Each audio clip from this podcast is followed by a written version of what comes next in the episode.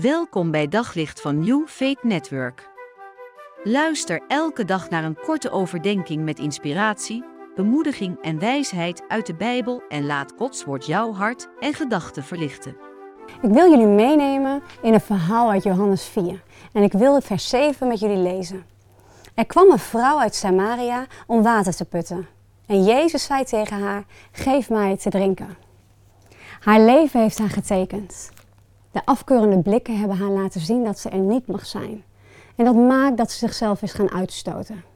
Ze loopt op het warmst van de dag, wanneer iedereen een siesta houdt en binnen is, loopt zij op het warmst van de dag naar de waterput. En op zo'n moment zit daar Jezus. En Jezus, een rabbi, die er ook uitziet als een rabbi, zit daar en vraagt haar te drinken. Nou heeft Jezus ieder geldig excuus om niet met haar te spreken. Want in die tijd sprak een rabbi niet met een vrouw. Die achtte hij eigenlijk beneden haar waardigheid. En toch vroeg Jezus om water. En zij is niet op haar mondje gevallen. Dus ze vroeg hem ook waarom hij zelf geen emmer had meegebracht. En dan volgt een gesprek. En dan staat er in vers 10.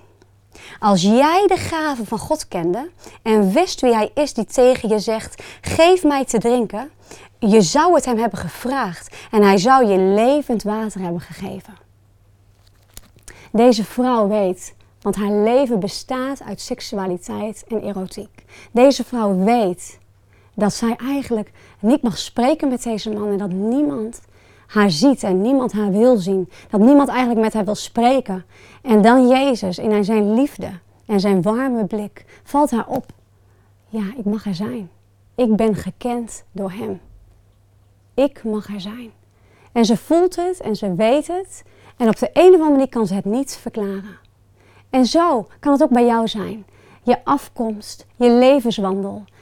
Het kan niet kloppen. Misschien leef je zelf ook in zonde. En denk je, nee, Jezus liefde zal er niet zijn voor mij.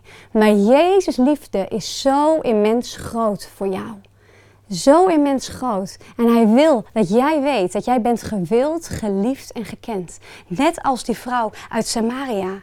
Geen veroordeling en geen minderwaardigheid is daar waarin hij naar jou kijkt, zoals andere mensen dat misschien wel doen. Zo kijkt Jezus niet naar jou.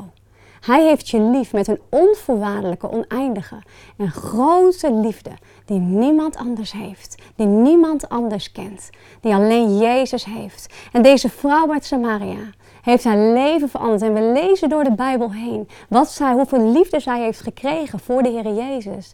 En wat zij heeft gedaan voor hem en wat hij heeft gedaan door deze paar woorden. Geef mij te drinken.